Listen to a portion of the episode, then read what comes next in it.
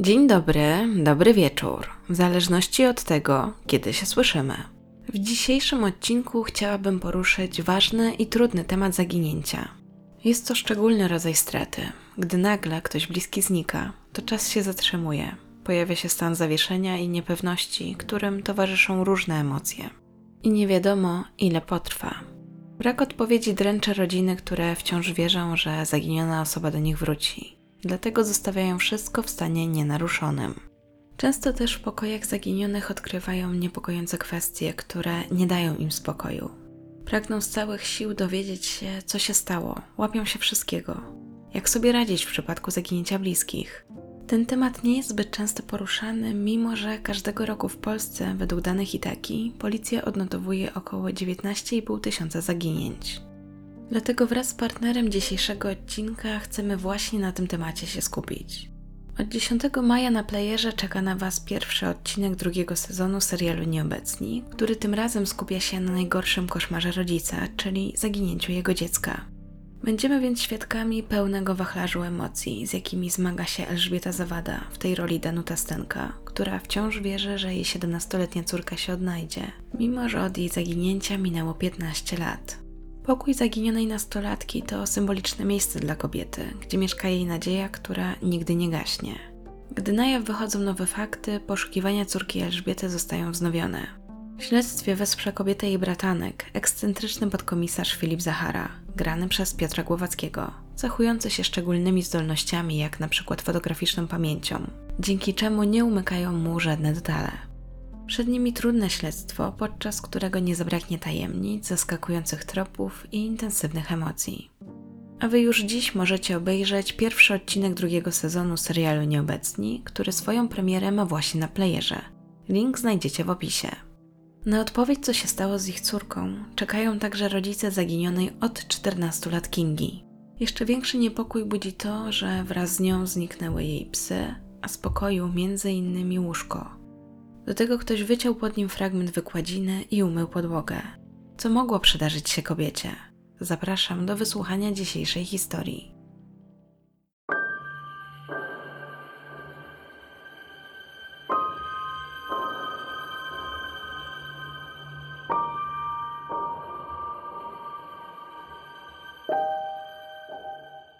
Ściejowice to wieś położona w województwie małopolskim, w powiecie krakowskim w gminie Liszki.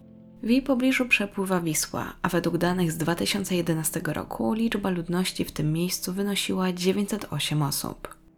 W jednym z domów dość blisko Wisły, od początku 2008 roku mieszkała Kinga Wrześniewska.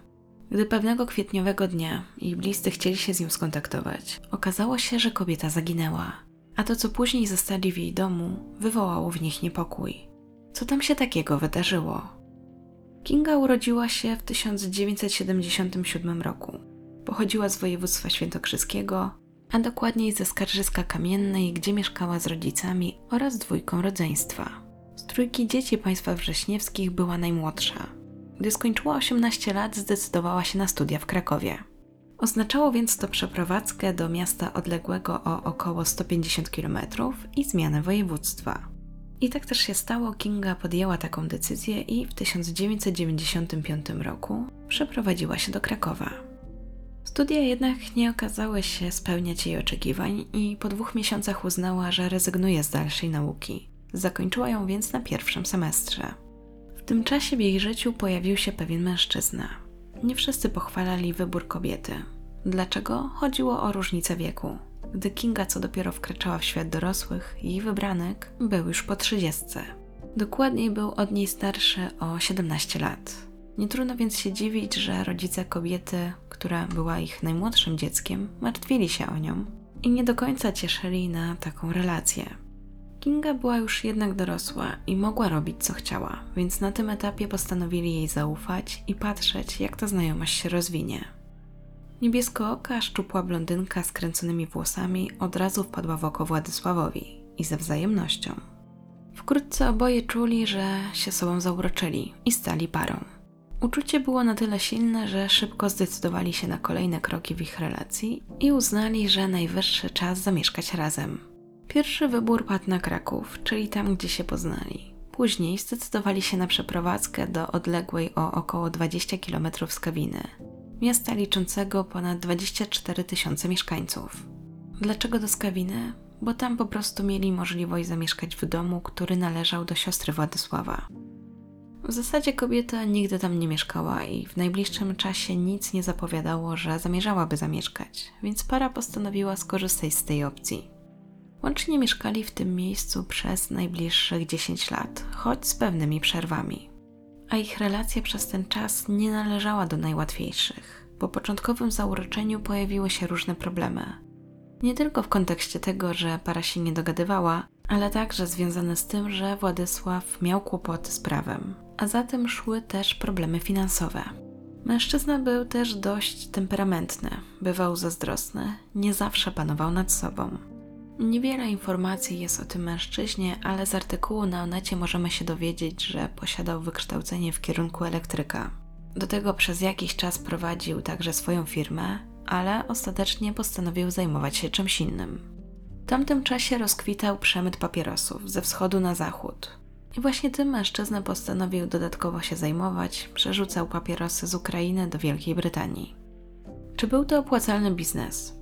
Dla przykładu, z podobnego czasu znalazłam na stronie policji informacje o zatrzymaniu osób związanych z przemytem papierosów z Ukrainy do Włoch, gdzie oszacowano, że w latach 2005-2010, przemycając 200 tysięcy kartonów papierosów, skarb państwa został narażony na stratę 7,5 miliona złotych. A jeśli chodzi o to, co za to groziło, to zakierowanie taką grupą przestępczą podejrzanym mogło wtedy grozić do 10 lat pozbawienia wolności.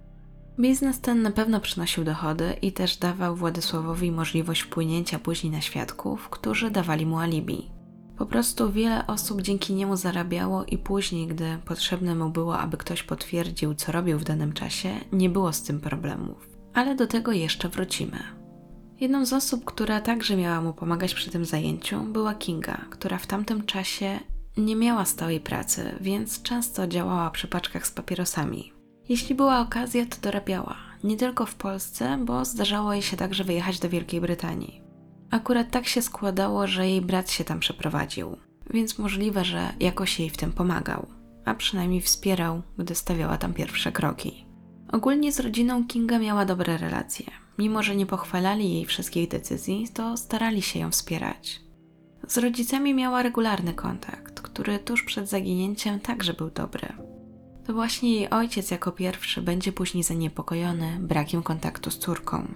Wracając jednak do końca lat 90. i początków lat 2000, to w końcu Kinze udało się odłożyć jakieś pieniądze. Do tego miała też wsparcie w rodzicach i Władysławie, w związku z czym zdecydowała się na zakup małego mieszkania w Krakowie. Oficjalnie jako właścicielka widniała tylko ona. Kobieta nie planowała tam zamieszkać. To mieszkanie miało być inwestycją, a wkrótce pojawili się tam lokatorzy, którzy wynajmowali od niej tę nieruchomość. Wyglądało na to, że parze dobrze się układa, zwłaszcza finansowo, bo wkrótce zdecydowali się na zakup kolejnego mieszkania. Mimo, że kupili je razem, to i tak jako właścicielka widniała tylko kobieta. Ta nieruchomość również była przeznaczona na wynajem, bo Kinga i Władysław nie planowali na razie opuszczenia skawiny. Wkrótce jednak te plany się pokrzyżowały, bo jedno z nich na chwilę musiało zmienić miejsce a dokładniej Władysław, który trafił do aresztu śledczego. Stało się to w 2004 roku i sprowadziło na Kingę kłopoty. Nie chodziło jednak o te papierosy, sprawa była poważniejsza. Mężczyzna został aresztowany za współudział w zabójstwie. Po wyjaśnieniach i przesłuchaniach świadków, zarzut ten został zmieniony na zlecenie pobicia. Chodziło o napad na właściciela sklepu w Skawinie, który nie poszedł tak jak powinien i zakończył się śmiercią tego mężczyzny. Jego zleceniodawcą miał być podobno Władysław. Początkowo Kinga twierdziła, że to niemożliwe, aby był w to zamieszany, bo w tym czasie był z nią. Bardzo długo upierała się przy tej wersji, ale w końcu śledczy wykazali, że mijała się z prawdą. Oznaczało to, że teraz sama będzie miała kłopoty, a prokurator zdecydował się na postawienie jej zarzutów, które dotyczyły składania fałszywych zeznań. Nie znalazłam informacji o tym, czy w związku z tymi zarzutami potem doszło do wymierzenia jakiejś kary, ale z informacji, na które trafiłam, nic takiego nie było. Nie pojawiła się wzmianka o tym, że miałaby trafić do aresztu, czy jakaś inna forma kary, więc możliwe, że zostało to jednak później umorzone. Istotne było to, że zmiana zarzutów wobec Władysława sprawiła, że ostatecznie został skazany na kilka lat więzienia, dokładnie 5 lat. Kinga nie zamierzała rezygnować z tej relacji. Czekała, aż jej partner zakończy odbywanie kary. Początkowo odwiedzała go dosyć często, ale między nimi nie układało się już tak jak wcześniej. Coraz częściej pojawiały się nieporozumienia, na pewno znaczenie miały też problemy finansowe, z którymi musiała mierzyć się kobieta. Wiązały się one głównie z kosztami procesowymi, wynajęciem adwokata, a oprócz tego Władysław oczekiwał, że będzie mu przekazywała pieniądze, dzięki którym będzie w stanie dokonywać zakupów w więziennej kantynie. W artykule Dawida Serafina na Onecie możemy przeczytać, że na tak zwaną wypiskę kobieta miała mu wpłacać około 2000 zł. Wypiska to właśnie określenie tych zakupów. Co ciekawe, są one dokonywane bezgotówkowo, na podstawie kwitów. Czyli wygląda to tak, że jakiś więzień dysponuje pewną kwotą i nie ma jej fizycznie, tylko jest po prostu gdzieś to zanotowane, jakimi środkami dysponuje. I oczywiście wielkość tej wypiski zależy od środków finansowych, które mogą pochodzić zarówno od osób z zewnątrz, czyli np. rodziny, albo które zostały zdeponowane przez samego więźnia, np. z jego środków własnych w chwili osadzenia. Oczywiście też w trakcie odbywania kary więzień, jeżeli dostał taką zgodę, może zarobić swoje pieniądze i one też wtedy są w takiej formie, lub otrzymać je na przykład w formie jakiejś nagrody, która jest opisana w regulaminie. Co takiego można kupić w tej więziennej kantynie? Według Wikipedii są to zazwyczaj różne gatunki papierosów, kawy, herbaty, mleko, cukier, jakieś soki i inne podstawowe środki spożywcze. Oprócz tego można także nabyć materiały papiernicze, np. jakieś zeszyty, ołówki, a często też jakieś gazety.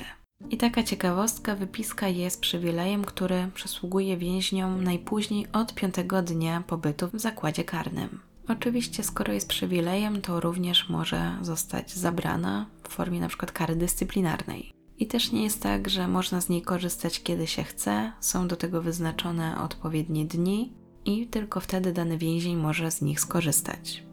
Wracając do Kingi, która została ze wszystkim sama, także z biznesem i ludźmi, którzy czekali co dalej. Kobieta więc próbowała kontynuować wysyłkę papierosów i tym sposobem zarobić niezbędne pieniądze. W końcu jednak okazało się, że Władysław wyjdzie szybciej niż wcześniej zakładano, bo w 2006 roku został zwolniony z odbywania kary. Czemu? Przyczyną był jego stan zdrowia. Nie znalazłam informacji, o jaką dokładnie chorobę chodziło, ale była ona na tyle poważna, że sąd zdecydował się na taki krok. Wbrew oczekiwaniom kobiety, mężczyzna wcale nie był zadowolony z tego, jak sobie radzi. Wręcz przeciwnie, miał do niej pretensje, że nie zajęła się wszystkim tak, jak trzeba, a w efekcie, że nie dysponują takimi pieniędzmi, jakich by oczekiwał. Był to dla nich trudny czas, kłócili się, ale ostatecznie udało im się jakoś przezwyciężyć ten kryzys i dalej być razem. Mieszkali wciąż w tym samym domu, w Skawinie, ale na terenie tej posesji znajdowały się także pokoje, które wynajmowali. Jednym z wynajmujących był młody mężczyzna, Krzysztof. Chcąc nie chcąc, stał się później świadkiem tego, co zaszło między Kingą a Władysławem. Bo ich sielanka nie trwała długo około roku. Łącznie byli też już ze sobą ponad 10 lat i wszystko się układało, aż do ich 11 rocznicy, która wypadała na jesień 2007 roku.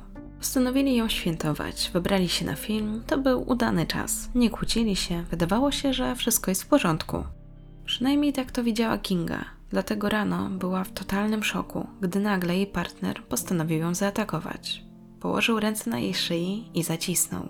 Kobieta zerwała się i wybiegła z domu. Nie za bardzo wiedziała, gdzie ma biec, gdzie się skryć, więc niewiele myśląc wybrała to, co najbliżej. A najbliżej stało auto Krzysztofa, czyli tego mężczyzny, który wynajmował u nich pokój. Wciąż była w szoku i zastanawiała się, co zrobić. Uznała, że w takiej sytuacji nie ma opcji, żeby została tu dłużej. Czuła, że Władysław jest nieprzewidywalny i po prostu się go boi. Dlatego zdecydowała, że jeszcze tego samego dnia zmieni miejsce zamieszkania. Dokąd mogła pójść? Mieszkania, które teoretycznie były jej, a przynajmniej na papierze, były wynajmowane. Poza tym zdecydowanie by to zdenerwowało Władysława, gdyby się tam przeniosła. Najlepszym wyjściem było to, żeby wynajęła sobie coś swojego. Musiała jednak zabrać swoje rzeczy. Bała się wrócić do domu, ale nie miała wyjścia. Bez niczego przecież nie odejdzie. Zaryzykowała i wróciła do domu. Powiedziała, że się wyprowadza i przyszła po rzeczy. Myślała, że pójdzie to wszystko łatwiej, ale mężczyzna nie zamierzał się na to zgodzić. Jego porywczość i agresywność dały o sobie znać. Stanął w drzwiach i nie chciał przepuścić kobiety. Chciała wynieść stąd jakiej rzeczy, to niech sobie zadzwoni na policję. Tym razem nie zamierzała jednak dać się przestraszyć i zrobiła to, co jej zasugerował. Zadzwoniła na numer alarmowy i poprosiła o wsparcie. Jak wspomniałam, Władysław został zwolniony z odbywania kary ze względu na stan zdrowia, ale była to przerwa, a nie jej anulowanie. Oznaczało to, że powinien w wyznaczonym terminie stawić się na jej dalsze odbywanie. I ten czas akurat minął, a mężczyzna ani myślał wracać do więzienia. Nie spodziewał się jednak, że Kinga faktycznie zadzwoni na policję. Może liczył, że się nie odważy mu przeciwstawić, ale to zrobiła. Efekt mógł być tylko jeden. Interwencja policjantów doprowadziła do tego, że mężczyzna został zatrzymany właśnie za to, że nie stawił się na czas w więzieniu. Dla Kingi była to zatem szansa, żeby się od niego uwolnić, wyprowadzić na spokojnie i zabrać wszystkie rzeczy. I skorzystała z tej możliwości. Krzysztof, ten, który wynajmował pokój, a nie myślał zostawać w pokoju w skawinie i czekać, aż Władysław wróci z odbywania kary. Po części też już się naraził mężczyźnie, który bywał zazdrosny o swoją kobietę. Dogadywał się z Kingą, dlatego na początku zdecydowali, że wyprowadzą się razem. Wybrali jakiś dom na wynajem i chwilę w nim pomieszkali. Chwilę, bo jednak kobieta uznała, że lepiej dla niej będzie skorzystać z innej opcji. Ogólnie na co dzień kobieta nie udzielała się towarzysko, była raczej zamknięta w sobie, nie miała zbyt wielu znajomych, ceniła bycie samej ze sobą. Kinga w tamtym czasie skontaktowała się z bratem z Wielkiej Brytanii. Opowiedziała mu o całym zajściu i o tym, że Władysław ją zaatakował. Miała dosyć tej relacji i chciała ją raz na zawsze skończyć. W końcu dogadali się, że w zasadzie dom w Ściejowicach stoi pusty. Mężczyzna nie planował teraz wracać do Polski, w Wielkiej Brytanii dobrze zarabiał, więc niech Kinga tam zamieszka. Co prawda lokalizacja mogła trochę odstraszyć kobietę, która chciała mieszkać sama, bo był położony na uboczu. Wokół nie było sąsiadów, niedaleko była Wisła, ale wydawało się, że po tym wszystkim, co ostatnio kobieta przeżyła, ten spokój był jej potrzebny. Do domu też tak łatwo nie można było trafić, więc to tylko lepiej. Nie było jednak tak, że Kinga zupełnie nie czuła strachu przed tym, że zamieszka sama na takim odludziu. Czuła, dlatego zdecydowała się na przegarnięcie dwóch dużych psów doga i owczarka niemieckiego. Z takimi psami czuła się o wiele bezpieczniej. Przy okazji był to dla niej też taki dodatkowy alarm, gdyby ktoś niepożądany miał się kręcić. To też mogło świadczyć o tym, że raczej planowała dłużej w tym miejscu pomieszkać. W końcu nie brałaby dwóch dużych psów, gdyby chciała tam być tylko tymczasowo. Wyglądało więc na to, że rozdział z Władysławem naprawdę miał być w końcu zamknięty, a przynajmniej, że tak sobie to planowała. Na ten moment potrzebowała spokoju i poczucia bezpieczeństwa. Musiała też sobie przemyśleć, co dalej, jak się utrzyma, jak sobie poradzi. Dom był brata, ale za coś trzeba było żyć. W tym czasie Władysław odsiadywał swój wyrok, ale choroba znów sprawiła, że sąd zadecydował, że należy go wypuścić. I tak stało się w styczniu 2008 roku. Po wyjściu szybko skontaktował się z Kingą, a kilka dni później spotkali się w Krakowie. Mieli jeszcze do wyjaśnienia sprawy związane z mieszkaniami, które teoretycznie były Kingi, a w praktyce chyba nie do końca tak było, a przynajmniej według mężczyzny, który uważał, że ma do nich prawo. Była to kwestia sporna i między tą dwójką doszło do kłótni. Ostatecznie ta rozmowa doprowadziła do tego, że mężczyzna wymusił na kobiecie, aby ta pokrywała jego koszty leczenia. Kinga nie chciała się spierać i prawdopodobnie czuła jednak, że te pieniądze musi oddać Władysławowi, bo zdecydowała się mu przekazać kwotę 10 tysięcy złotych. Później, w zależności od wersji, miało być tak, że nie utrzymywali kontaktu, ale wyszło, że w zasadzie mieli dosyć regularny kontakt. Władysław dosyć często odwiedzał Kingę w jej nowym domu. Mijały kolejne miesiące i jakoś powoli wszystko się układało, aż nastał kwiecień. 1 kwietnia 2008 roku Kinga rozmawiała ze swoim ojcem przez telefon. Mówiła, że w planach ma to, że wieczorem spotyka się ze znajomymi i ogólnie, że teraz ogląda W11, wyjmuje sobie mięso z zamrażarki na obiad i generalnie wyglądało to tak, jakby nie miała planów świadczących o jakimś wyjeździe czy właśnie zniknięciu.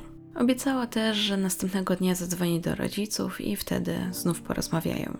Minęła noc i 2 kwietnia, gdy Kinga się nie odezwała, jej tata próbował się z nią skontaktować, ale bez rezultatu. Kobieta była także w regularnym kontakcie ze swoim bratem, więc gdy przestała mu odpisywać na wiadomości, to także go zmartwiło. Ponieważ nikt z rodziny nie mieszkał w pobliżu, to bliscy kobiety postanowili poprosić znajomego, który mieszkał w Krakowie, aby sprawdził, czy wszystko jest w porządku. Dodatkowo jeszcze ojciec Kinki zadzwonił do przyjaciół, z którymi miała się spotkać, ale powiedzieli, że nie widzieli się z nią, nie dotarła do nich. Więc gdy znajomy rodziny nie zastał jej w domu, to bardzo się zaczęli o nią martwić. Zwłaszcza, że z relacji tego znajomego wynikało, że zarówno nie ma Kingi w domu, jak i jej psów. Dom stał zupełnie pusty. Pan Franciszek w Super Expressie wspominał tak tamto wydarzenie. 1 kwietnia umówiliśmy się, że następnego dnia Kinga do mnie zadzwoni. Ale gdy nie zadzwoniła, skontaktowałem się z jej przyjaciółmi, których miała odwiedzić. Kiedy powiedzieli mi, że u nich także jej nie było, zgłosiłem zaginięcie córki na policji. Od tamtej pory Kinga nie dała znaku życia, jakby rozpłynęła się w powietrzu. Dalsze poszukiwania Kingi wykazały, że z jej domu nie tylko zniknęły jej dwa psy, ale także laptop, dwie komórki oraz jej samochód. Nikt z jej najbliższych nie miał pojęcia, co się mogło z nią stać. W końcu nie planowała żadnego wyjazdu. Przeważnie w przypadku zaginięć jest tak, że bliscy zazwyczaj początkowo obdzwaniają wszystkich znajomych, sprawdzają szpitale, potem wybierają się na komisariat. Tam już wszystko dzieje się według procedur, czyli formularz, zdjęcie, przesłuchanie i policja decyduje, czy zaginięcie jest kwalifikowane do pierwszej kategorii, czyli mowa o sytuacji, gdy istnieje podejrzenie przestępstwa. Wtedy też poszukiwania od razu zostają uruchomione. I to, co chciałabym w tym momencie zaznaczyć, to to, że nie trzeba oczekiwać np. 24 godzin albo 48. Jeżeli właśnie istnieje podejrzenie, że stało się coś niepokojącego, że doszło do podejrzanego zaginięcia, to warto od razu zgłosić to na policję. W przypadku Kingi niemal natychmiast po tym, jak jej bliscy zgłosili jej zaginięcie, przeszukiwano pobliskie lasy i penetrowano dna zbiorników wodnych znajdujących się w tej okolicy. Przede wszystkim szukano samochodu, który mógłby należeć do Kingi. Na kanale Polskie Archiwum X z wypowiedzi jednego ze śledczych, który pracował przy tej sprawie, możemy się dowiedzieć, że sprowadzono specjalną grupę z Gdańska z marynarki wojennej, która miała nowoczesny sprzęt. Nie bazowano na płetwonurkach z tego względu, że szukano by po omacku, że tam praktycznie nie było żadnej widoczności. Łącznie te poszukiwania trwały 3 dni i przeszukano rzekę na długości około 30 km. Nie natrafiono jednak ani na auto Kingi, ani na żadne inne auto. Potwierdzono także, że na to umówione spotkanie ze znajomymi kobieta nie dotarła oraz to, że wraz z nią zniknęły dwa psy. Ogólnie pojawiał się przeważnie dog i owczarek niemiecki, ale podejrzewam, że nie był to rasowy owczarek niemiecki, bo czasami pojawiało się też hasło mieszaniec. Na wielu portalach pojawiła się informacja, że wraz z kobietą poszukiwany jest jej samochód marki Nissan Almera, dokładniej koloru czerwonego na krakowskich numerach. Na pewno kwestią, która miała tutaj duże znaczenie w kontekście poszukiwań Kingi, było to, że na początku dom przeszukał jej brat wraz z siostrą i że wydarzyło się to w połowie kwietnia, zanim policja to zrobiła, bo policja dokonała tego przeszukania dużo później, dopiero w czerwcu. W każdym razie podczas tego przeszukania przez rodzinę już ustalono bardzo dziwne rzeczy. Okazało się, że z domku zniknęła kanapa, właściwie jej łóżko, na którym spała. Ale jeszcze dziwniejsze było to, że ktoś pod tym łóżkiem wyciął kawałek wykładziny. Nie było też pościeli. W tym miejscu, gdzie ktoś wyciął wykładzinę, podłoga została dokładnie umyta. Do tego ktoś przy pomocy szlifierki ze ściany usunął także farbę oraz tynk. Wyglądało więc to tak, jakby coś tam się wydarzyło i ktoś próbował zacierać ślady. Po wyjściu przed domek odkryto także ognisko, a tam, jak się później okazało, ktoś spalił różaniec, kartę SIM, torebkę oraz dwie metalowe miski dla psów. Połączenie tych rzeczy było bardzo zastanawiające, dlaczego ktoś akurat je chciał spalić. Zwłaszcza w kontekście misek dla psów. Czy to oznaczało, że ktoś postanowił otruć te psy i w ten sposób chciał zatrzeć ślady? W końcu to też było zastanawiające, że nigdzie nie ma psów i że to były wielkie psy, więc jeżeli ktoś odwiedził Kingę, to prawdopodobnie musiały go znać. Ale to oczywiście były takie luźne hipotezy, bo ani psów, ani Kingi nie znaleziono. I choć cały czas były to poszukiwania żywej osoby, to śledczy brali pod uwagę, że Kinga może już nie żyć. Standardowo, jak to w przypadku takiego śledztwa, przesłuchany został także partner kobiety, czyli Władysław. Niestety jego zeznania niczego do tej sprawy nie wniosły. Początkowo mężczyzna twierdził, że w ogóle nie widział jej od kilku miesięcy. Później zmienił zdanie i powiedział, że jednak ostatni raz widział ją w marcu, jakieś 2-3 tygodnie wcześniej. Samo to, że zmieniał wersję, już było dla śledczych podejrzane. Czy to oznaczało, że kłamał? Czy chciał coś ukryć? Dosyć szybko udało się ustalić, że relacja między Kingą a Władysławem nie należała do najłatwiejszych. Rodzice później wspominali, że córka im mówiła, że boi się mężczyzny, że w ich relacji pojawiła się przemoc i że sami jej radzili, aby od niego odeszła. Natomiast w wywiadzie w Super Expressie podkreślali, że nikogo nie oskarżają, chcą jedynie odzyskać córkę. W ramach śledztwa zaczęły też wychodzić kolejne nieścisłości, jeśli chodzi o zeznania Władysława. Udało się ustalić, że początkowo, gdy dowiedział się o zaginięciu Kingi, to mówił swoim znajomym, że Kingi to on nie wiedział co najmniej pół roku. Tę samą wersję, tak jak mówiłam, przedstawiał także policjantom. Później zmienił zdanie podczas kolejnego przesłuchania i twierdził, że jakoś w marcu ją ostatnio widział. Ogólnie warto dodać to, że w przypadku tej wcześniejszej sprawy, gdy właśnie doszło do tego, że został skazany, mężczyzna twierdził, że był w innym miejscu i miał na to kilkudziesięciu świadków. Tylko, że właśnie później się okazało, że to było fałszywe alibi, a jego telefon wykazał, że logował się właśnie w tym miejscu. I w tym kontekście właśnie zastanawiające jest to, że w dniu zaginięcia Kingi mężczyzna miał wyłączony telefon co oczywiście sprawiało, że nie udało się ustalić jego lokalizacji. Sam mężczyzna oczywiście twierdził, że nie widział się wtedy z Kingą, ale też nie miał jakiegoś solidnego alibi. Nie był natomiast chętny, aby poddać się badaniu wariografem. Do tego w tej kwestii też były różne zawirowania, bo z tego co mówił śledczy z polskiego archiwum X, to właśnie nie do końca z tym badaniem wtedy było wszystko unormowane i przez jakiś czas w ogóle nie było zgody na jego przeprowadzenie. Z drugiej strony, jeżeli chodzi o tego 1 kwietnia, mamy zeznania świadków, z których wynika, że mężczyzna był tego dnia u Kingi. Były trzy takie osoby, które twierdziły, że dokładnie tego dnia, w którym zaginęła, czyli kiedy po raz ostatni był z nią kontakt, Władysław był u niej. Między innymi właśnie bratu mówiła, że Władysław do niej przyjechał i że pomagał uporządkować teren. Co więcej, pojechał w pewnym momencie do domu, ale miał wrócić wieczorem. Kolejnym dowodem na to, że mężczyzna był u Kingi, miała być wiadomość, którą wysłała do swojego znajomego. Według artykułu na Onecie brzmiała ona tak. Zostałam na parę godzin sama, więc mogę teraz spokojnie odpisać. Wczoraj byłam padnięta, a dziś rano przyjechał mój ex królewicz, żeby, w nawiasie, coś mu się stało, pomóc mi w porządkach na zewnątrz. Zresztą teraz pojechał na parę godzin do siebie i wróci na noc. Nie wiem w sumie, czy mam się z tego cieszyć. Zastanawiające jest to, że z jednej strony mówi o nim mój ex, a z drugiej mówi, że przyjedzie do niej na noc. Ta wiadomość wygląda trochę tak, jakby właśnie sama nie wiedziała, czy chciałaby kontynuować ich relacje, czy nie.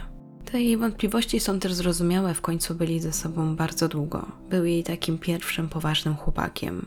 To przy nim dorastała, więc na pewno to rozstanie było dla niej trudne. Kolejną ważną informacją w śledztwie odnośnie Władysława było to, że udało się ustalić, że mężczyzna dzwonił do niej 30 i 31 marca. Co też oznaczało, że jeżeli mówił, że nie miał z nią kontaktu od kilku tygodni, to raczej się mijał z prawdą. Do tego wyszło, że zaraz po tym, jak Kinga zaginęła, Władysław pojechał do tych dwóch mieszkań, które były w tym czasie wynajmowane i kazał lokatorom się wyprowadzić i to natychmiast. Mimo, że to nie z nim wynajmujący podpisywali umowę, to jednak zrobili to bez żadnej dyskusji. Widocznie było coś takiego we Władysławie, że woleli nie ryzykować. Później miał tam zamieszkać ktoś z jego rodziny. Jeżeli chodzi o te mieszkania, to jak wspomniałam wcześniej, była to trochę taka kwestia sporna, natomiast Kinga czuła się bezpieczna, mając te akty notarialne do tych mieszkań i nawet mówiła swoim znajomym, swoim bliskim, że to jest jej polisa, i w zasadzie pilnowała tego jak oczka w głowie, w sensie tych aktów notarialnych. Nigdy się z nimi nie rozstawała. Dlatego, gdy później okazało się, że te akta zaginęły, to również było bardzo zastanawiające. Nad kwestią tych mieszkań też się oczywiście można zastanawiać, czy faktycznie one należały do Kingi, czy była tylko osobą, która dała swoje nazwisko, choć możliwe, że jakiś tam właśnie wkład także miała w te mieszkania, przynajmniej w to pierwsze. Tak czy siak Władysław nie planował czekać, czy Kinga wróci, czy nie wróci, tylko od razu przejął te mieszkania, wymienił zamki i właśnie wprowadził tam swoich ludzi. Choć były jakieś podejrzenia, były jakieś tropy, to wciąż nie było żadnych dowodów. Po Kindze jej psach nie było śladu. Zrozpaczeni rodzice postanowili zwrócić się do jasnowidza, który powiedział im, że jego zdaniem Kinga żyje. Twierdził, że gdzieś jest przetrzymywana, chyba za granicą, i że na pewno nie wyjechała z własnej woli. W każdym razie w tej sprawie wciąż nie było żadnych nowych tropów, więc śledztwo nie posuwało się naprzód. W pewnym momencie pojawiła się jednak nadzieja.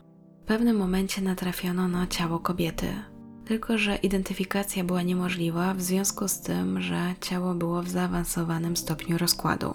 Według śledczego z polskiego Archiwum X wydawało się, że na 100% są to zwłoki Kingi.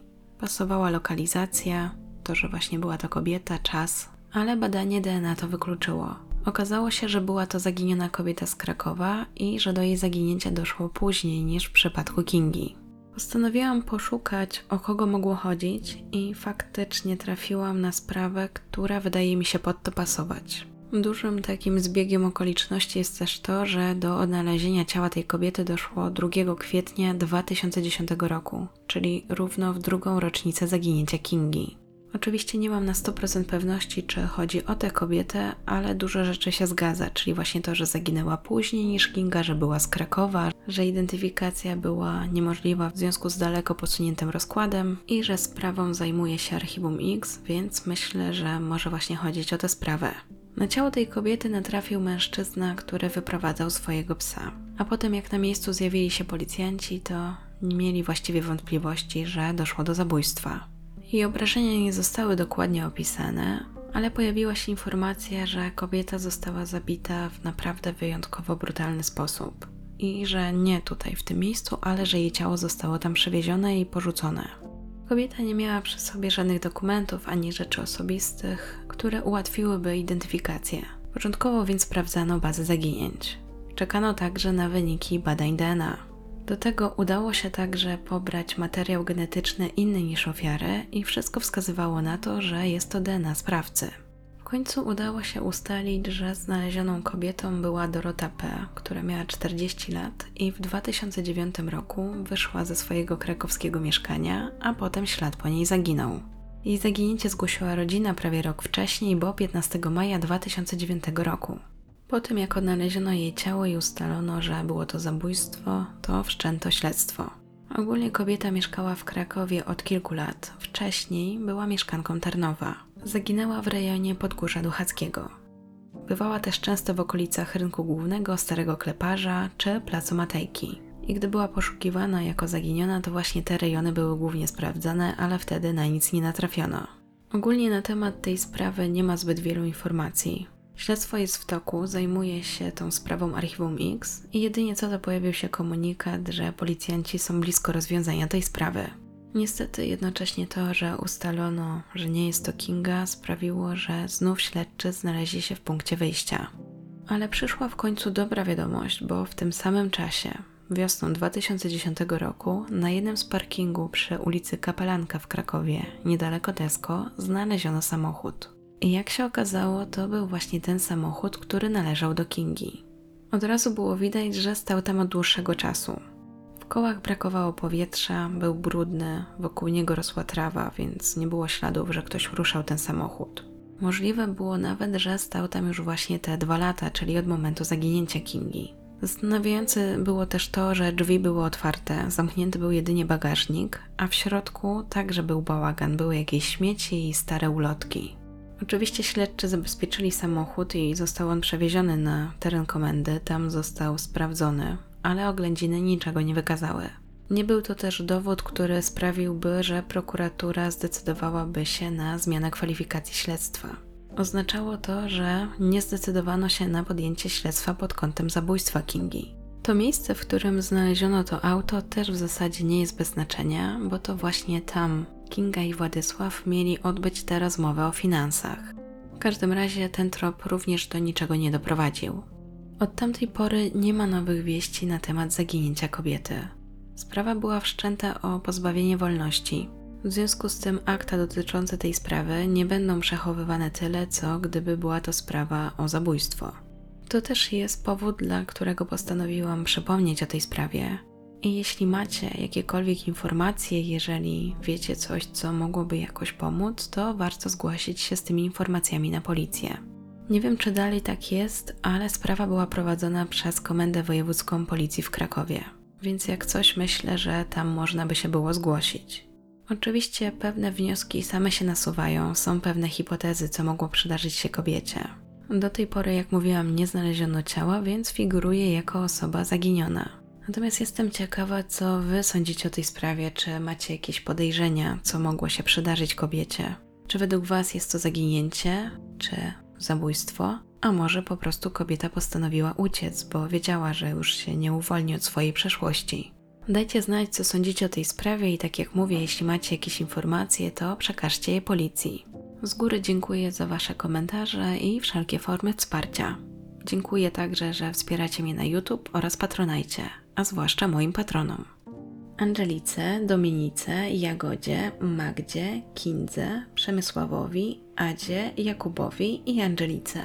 Bardzo Wam wszystkim dziękuję za wsparcie i za to, że macie ochotę dokładać cegiełkę do mojej pracy, a dzięki Wam ten podcast może się rozwijać. A jeśli chcecie być na bieżąco z moimi działaniami, to zapraszam Was na mój Instagram i Facebooka, linki znajdziecie w opisie. I przypominam, że na playerze czeka na Was pierwszy odcinek drugiego sezonu serialu Nieobecni i link także znajdziecie w opisie. A teraz bardzo dziękuję Wam za wysłuchanie, życzę miłego dnia, dobranoc, do usłyszenia.